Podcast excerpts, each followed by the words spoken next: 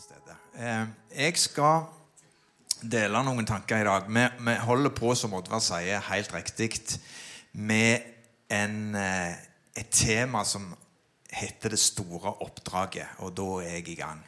Og eh, det som er, det er at eh, vi har forskjellige folk inne på det temaet. Jan har vært inne, og det er flere her. Brian er på neste gang. Jeg gleder meg over det, Brian. Nå ser ikke jeg helt hvor du er henne. Uh, vi har allerede sett etter deg. Der er du. Så gøy. For dette, du tror jeg òg har en stemme inn i dette. Og så har vi forskjellige folk som gjerne dekker dette fra litt forskjellig perspektiv. Jeg uh, kommer til å starte på noe i dag, så jeg kommer til å fortsette med to-tre ganger. Uh, med litt forskjellige aspekter. og har gleda meg til det. og så er det sånn at vi hadde jo òg vi hadde jo òg Albert inne her for et par søndager siden. Og det var stinne bakker her. Mye folk. Og jeg har fått utrolig mange gode tilbakemeldinger fra den helga. Folk som har bringt inn vitnesbyrd om at de møtte Gud. Eh, folk har blitt helbreda. Det har skjedd ting som på en måte bare går både på det indre og på det ytre. Det var ei dame her Egil Elling var jeg sammen med her, pastoren i Imi kirke. Han kom til meg og sa 'Hva skjedde hos dere i helga?' For det kom ei eldre dame som har gått i kirka hos oss lenge. og Hun kom og var så begeistra. Og hun på en måte bare gjorde sånn som dette, for hun hadde blitt totalt helbreda i skulderen sin. En skulderskade hun hadde gått med lenge. Det er jo nydelig. sant? Og så, så, så, var det en kar her som ble frelst på første benk her på lørdagskvelden. Aldri vært innom et kristent møte før. Det kunne jeg se på han han kom i døra der. For Du kan jo liksom se på folk som er vant med å gå på et kristelig møte, og de som ikke er det. Og han hadde tydeligvis aldri gjort det. Han lå her på gulvet, og på en måte jeg lurte på hvordan kommer dette til å gå. Det gikk veldig bra. Han tok imot Jesus og gikk ut som en ny skapning. Det er mest verdt en applaus. Sant? Så det er jo nydelig. Så, så, er det, så, er det, absolutt ting som vi kan lære å bli bedre på, og det vil vi òg. Både i forbønns Måten vi gjør forbønn på, betjening, passer på å fange opp folk på en god måte. Gjør de tingene der. Det, det, skal vi trene på. Vi skal bli gode på det. Men takk Gud for at vi har denne salen, denne fabrikken, så at vi faktisk kan også gjøre sånne ting som vi gjorde den helga. Da er jeg i gang. Alt det der var egentlig bare sånn introduksjon. Det store oppdraget. Det har vært en spennende måned, så jeg sier det er helt riktig. Og Så skal jeg prøve å pensle oss inn på dette med det store oppdraget. Disippelskap, etterfølgelse av Jesus Kristus. Det er det vi faktisk skal ha fokus på. Og for å ta dere inn i en litt nytestamentlig kontekst, da, så er det Paulus og Peter de er tydelige på at det er noen ting som hindrer oss i denne etterfølgelsen av Jesus. Jeg vet ikke hvordan det er for deg der ute i din hverdag, i din virkelighet. Så er det ikke alltid liksom Jesus er på harddisken. Eller er han det? Eller er det sånn at du av og til kjenner at wow, det der på en måte, det, det, der tok meg? Det kan være ting som du bare kjenner utfordrende. Og Bibelen er tydelig på at vi har tre fiender. Og Jeg skal starte litt på det i dag. Og hold deg fast. Ikke sånn at jeg skal snakke om det jeg holdt på å si eh, hele tida. Men jeg tror vi må være litt klar over at når Bibelen underviser oss, så snakker han om at vi har tre fiender mot det som har med tro og disippelskap å gjøre. Den ene er, hold deg fast, djøvelen. Han fins i Norge i 2023. Han er ikke bare i Afrika, men han er faktisk virksom også i Norge. Så djevelen er én ting. Vi snakker ikke så mye om han lenger, men han har ikke gjemt seg for det, så han fins. Det andre er vårt kjøtt. Det er noe i oss som av og til drar oss til å gjøre ting som ikke alltid liker eller har lyst til, eller tanker som kommer. Du har gjerne kjent det. Det er den andre fienden. Og den tredje er verden som er en del av. De tre tingene der. Vi snakker litt lite om det, syns jeg, i kirken våre. Og så skal vi snakke mest om Jesus. Jeg er helt enig med deg i det. Så det er det viktigste. Men de er likevel høyst oppegående i vår egen tid. Da får jeg litt hjelp av David her. Det kommer noen skriftsteder, og jeg skal bare lese de sammen med deg. Det første er 1. Peter 5, 8. Vær edrue og våk. Deres motstander djevelen går omkring som en brølende løve for å finne noen å sluke. 1. Peter 5, 8. Ta på Guds fulle rustning så dere kan stå dere mot djevelens listige knep. Efesene 6, 11. Og så Galaterne 5, 19-20. Kjødets gjerninger er åpenbare. Det er slikt som utukt, urenhet, skamløshet, avgudsdyrkelse, trolldom, fiendskap, trette, sinne, ærgjerrighet, splittelse, partier, misunnelse og mord, drukkenskap osv. Men de som hører Kristus til, har korsfestet kjødet med dets lidenskap og lyst. 1. Johannes 2, 15. Elsk ikke verden, heller ikke de tingene som er i den. Om noen elsker verden, da er ikke Faderens kjærlighet i ham. Og så sier Jesus sjøl til slutt her, Johannes 15, 19. Men jeg har utvalgt dere av verden, derfor hater verden dere. Så kunne vi holdt mange bibeltimer bare ut av de skriftstedene. Det skal ikke jeg gjøre i dag. Her er det mye å si. Men én ting er sikkert, og det var som Oddvar sa i starten her Det som gjør at vi kan seire over disse tingene, er at vi bærer med oss Kristus. Vi bærer med oss Kristus. og Vi har snakket mye om identitet. og Den biten der må ligge fast inni oss. I dag er vinklingen litt annerledes, for vi klarer ikke å dekke alt inn i en gudstjeneste. Men følg meg litt. Skal ikke preke for lenge i dag, men jeg skal si noe som jeg tror er fornuftig. Øyeblikkelig belønning eller en orientering mot nytelse eller konsum og selvforherligelse, det preger vår samtid. Og Bibelens definisjon av kjødet er mennesket som lett gir etter for lystene sine, samt en normalisering av det, altså at det meste er tillatt. Og Jeg skal ikke være noen dommedagspredikant i dag. Jeg skal bare ta pulsen litt på vår egen samtid. Eugene Peterson kaller det for sjelens kreft. Det kjennetegnes av en stolthet og en arroganse. Gud har blitt en objektiv Eller la meg si det på en annen måte. Han er ikke lenger en objektiv virkelighet å forholde seg til. Han er definert ut av de flestes liv. Verden er de ideer, verdier, moral og sosiale normer som kjennetegner mainstream. Og det starta i Edens hage. Langt der tilbake. Første Mosebok, kapittel 3. Jeg skal bare dra noen paralleller for at du skal forstå at de historiene der faktisk er aktuelle i vår tid. Det som skjedde i Edens hage, var nemlig følgende. Det var to ting som skjedde der. Det ene var at det var et opprør mot Gud. De ble påvirka av en løgn på en sånn måte at de trodde de kunne leve uten ham. Det var det ene. Det andre er at de omdefinerte godt og ondt. Og bak dette står djevelen, eller det han ble kalt i begynnelsen av boka, slangen, som kommer og sier Har Gud virkelig sagt Jeg mener, Det er jo litt gammeldags. Jeg mener, Det er jo skrevet for 2000 år siden. Har Gud virkelig sagt det? Nei, vet du hva? I dag, Vi er opplyst i dag. Vi er opplyst i dag. Vi trenger ikke høre på det som står i den boka. Resultatet av dette har en effekt på vår evne til å resonnere moralsk og åndelig. Så kommer jeg til å sitere noen vettuge folk i løpet av denne talen. René Di Resta. Denne dama har jeg studert litt. Hun jobber med Stanford jobber på noe som kalles for et internettobservatorium. Og hun oppsummerer postmoderende etikk. Etikk er måten vi lever livene våre på i 2023. Hun sier hvis du har gjort det til en trend, så vil det til slutt bli en sannhet. Hvis du bare gjør noe lenge nok, og det blir en trend blant folk, så blir det til slutt en sannhet, og du slutter å tenke, for hjernen vår fungerer sånn. Så det blir en trend, og etter hvert så blir det en, trend, en sannhet.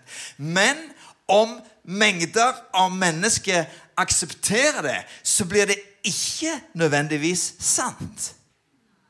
For historien lærer oss faktisk at majoriteten ofte tar feil.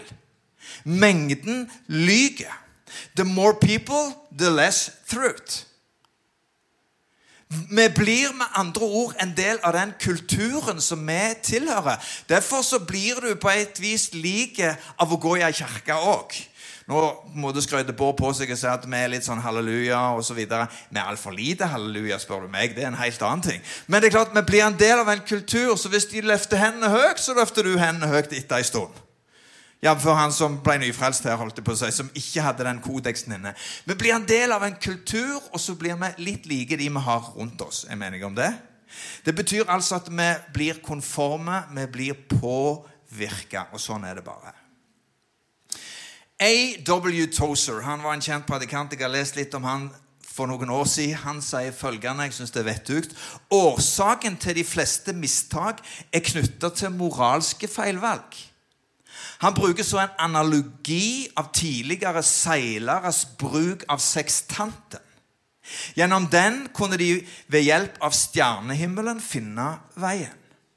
En gang navigerte vi våre liv og fikk retning fra bibelsk verdi og bibelske normer, men har bytta det ut, sier han. Den nye autoriteten har blitt vårt eget selv, definert som lyster og følelser. Og som et resultat har vi mista retningssansen fordi alt har blitt så relativt. Så det er en annen tenker som dere kanskje har lest om. Jeg har lest en av bøkene hans. Han heter Yuval Noah Harari. Yuval Harari. Du har kanskje hørt om han? Han er utdanna det er litt morsomt da, ved Jesus College, Hebrew University i Jerusalem og har en doktorgrad i historie. Flere bøker han skrevet. Den som jeg har lest, heter A Short History of Humanity. Og den andre på norsk heter En kort historie om i morgen. Han er en av våre tids mest innflytelsesrike ateister og tenkere. Han er tett kobla bl.a. på Klaus Schwab og World Economic Forum. Og Han sier som følger I tidligere tider var definisjonen av godt og ondt, skjønnhet og rettferdighet kobla mot Gud, altså en Gud utenfor oss sjøl. I dag, sier han, ligger svaret inni oss, i hver enkelt av oss. Våre følelser gir mening til våre liv og vår hensikt. Skjønnhet er med andre ord det du mener det er. Du har nemlig alltid rett. Om det føles godt, gjør det. Tenk på dette som menneskets største fortrinn. Det er en av våre største nåtidstenkere. Med det så prøver jeg å si at noe av den termen handler om at vi har alle blitt guder. Og så åpner det opp for noe som vi preger vår samtid. Det er noe positivt med det. Jeg skal ikke ta det ifra dere. Men dere har hørt gjerne uh, artificial intelligence. Altså dette med AI som kommer som fort. Eller human tran Eh, på, på, engelsk. Altså human eh, Hjelp meg. Jeg er ute etter et ord her. Jeg må tilbake i manuskriptet mitt for å finne det. Transhumanisme. Det var det jeg skulle, skulle ha tak i. Det er et eller annet som er i en bevegelse nå. fordi at Når mennesket mister perspektivet av Gud, så er det et eller annet som får innpass. Og en del av den termen kommer nå. Han er bl.a. en av de som er forkjemper for dette. Og verden oppdrar mennesket til å bli disipler av seg sjøl. Og så kommer mitt poeng. Men vi som kristne har fått et annet oppdrag. Vi har fått et annet oppdrag. Det betyr å gjøre mennesket til hans disipler. Det er det vi er kalt det. Å gjøre mennesket til hans etterfølgere. Vi tror nemlig at Bibelen gir innsikt og retning. Det er klokt å lytte til i mars 2023. Vår tid preges av at dere unge spesielt vokser opp og så er det en som jeg skal sitere, som sier følgende Vår tid preges av at unge vokser opp og arver forsvinnende lite når det kommer til moralske verdier. David Forster Valek. Men så tenker jeg hva om det er sånn? Skal vi irritere oss over ungdommen som er så på en måte videre? Nei, vet du hva? Jeg tenker helt motsatt. Jeg tenker at Hva om det er vår største mulighet? Hva om det er sånn at for samme generasjon som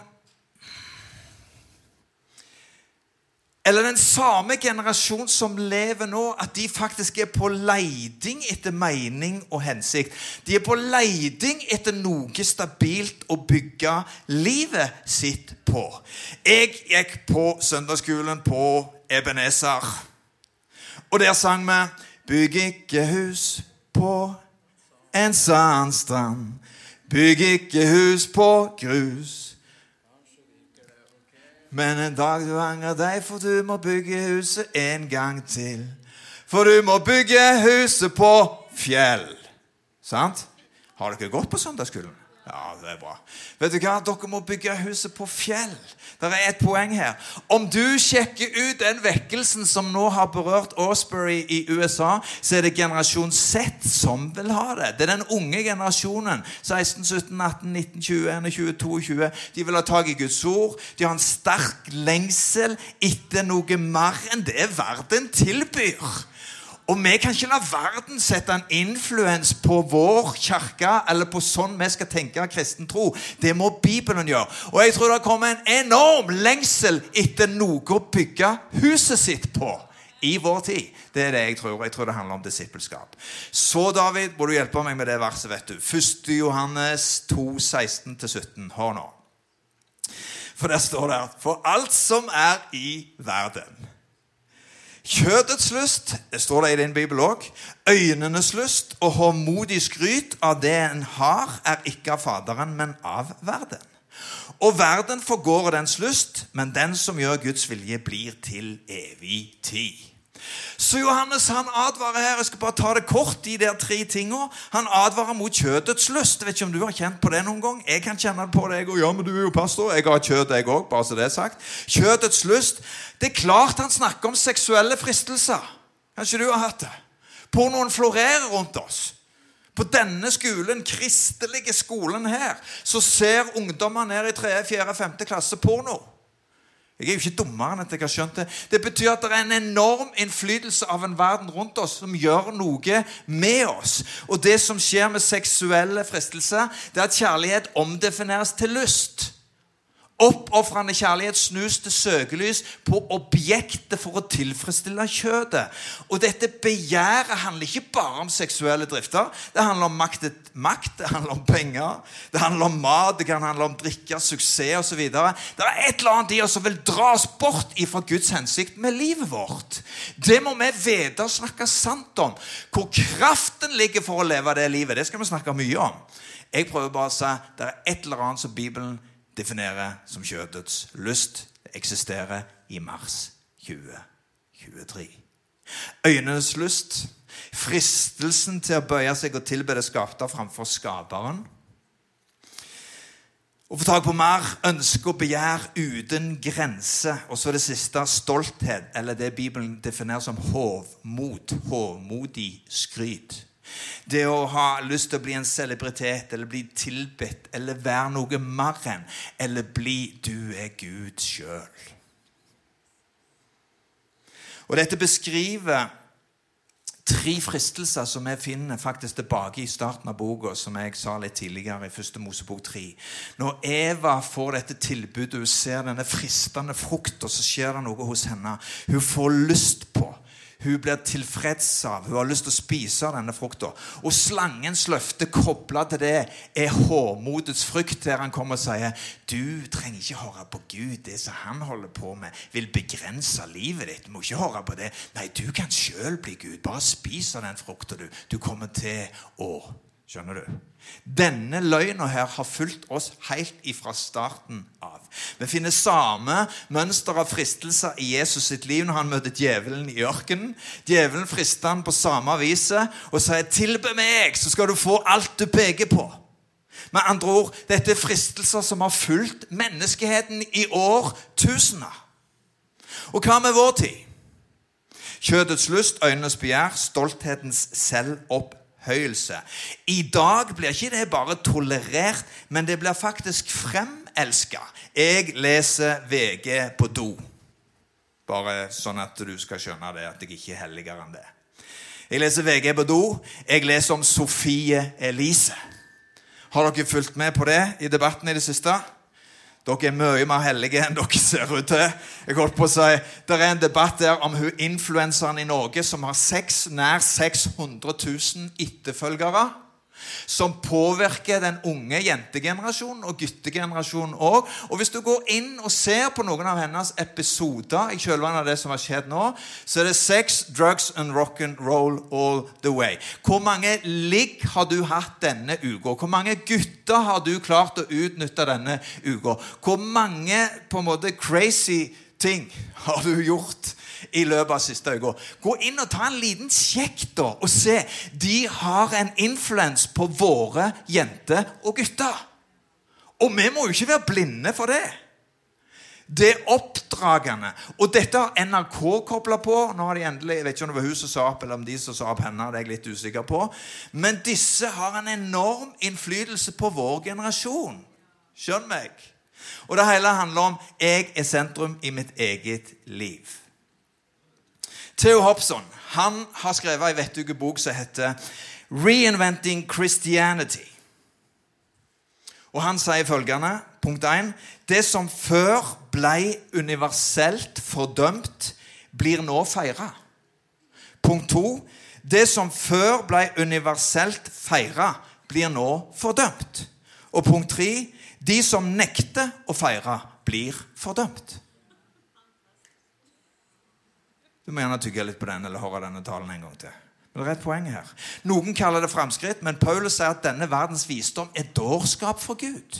Med andre ord, det verden tror er smart, er regna som dumt for Gud. Det er som et ekko av Jesus som sa at mennesket verdsetter høyt mange ting uten at de har skjønt at den som må verdsettes høyest, er skaperen, vår Gud. Dr. Larry Hurtado har skrevet boken 'Destroyer of the Gods'. Her beskriver han hvordan en liten jødisk kommunitet, etterfølgelse av Jesus Kristus, etter hvert vokser seg så store, og at de påvirker hele det romerske imperiet. Hans tese er Hør for dette er litt interessant. Jeg skal ikke tale veldig mye lenger nå. Men hans tese er interessant.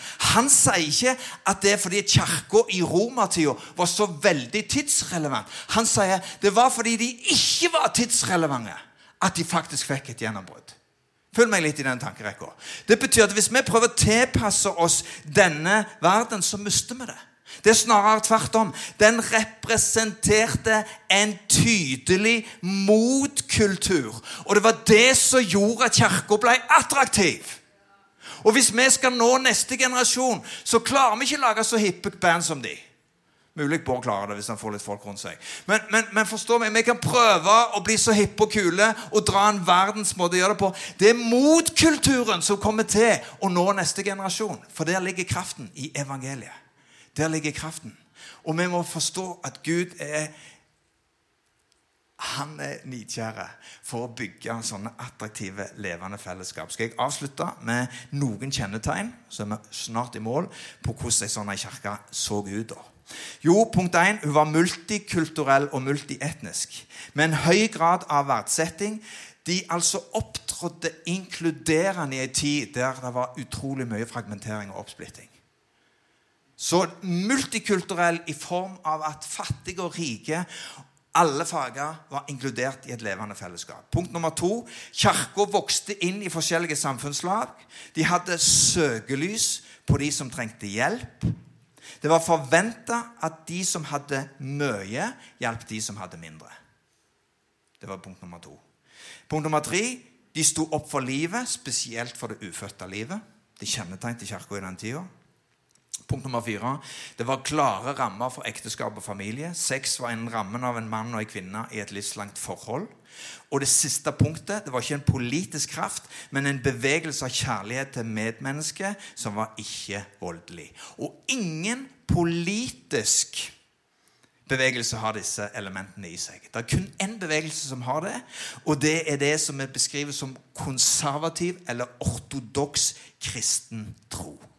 Og vi som hans etterfølgere må forstå at hans visjon for vårt liv, for mitt liv, for ditt liv, ofte er 180 grader annerledes enn de normer og verdier som vi omgir oss med i 2023. Og det er derfor vi trenger kirka. Og du skal ikke skjemmes av deg, for Gud kommer til å gjøre noe der. Han kommer til å reise opp sånne livskraftige fellesskap som betyr en motgift og en forskjell til den verden som vi lever i. Så skal jeg lande med følgende. Fordi det jeg tror Hvis vi skal ta pulsen litt på vår egen tid Hva har dette med disippelskap å gjøre? Jeg kommer helt på slutten til det. Men når det gode blir ondt, og det onde blir godt Der lyst defineres som kjærlighet eller eros erstatter agape. Veldig typisk vår tid. Samliv i alle former uten rammer for kjønn eller antall.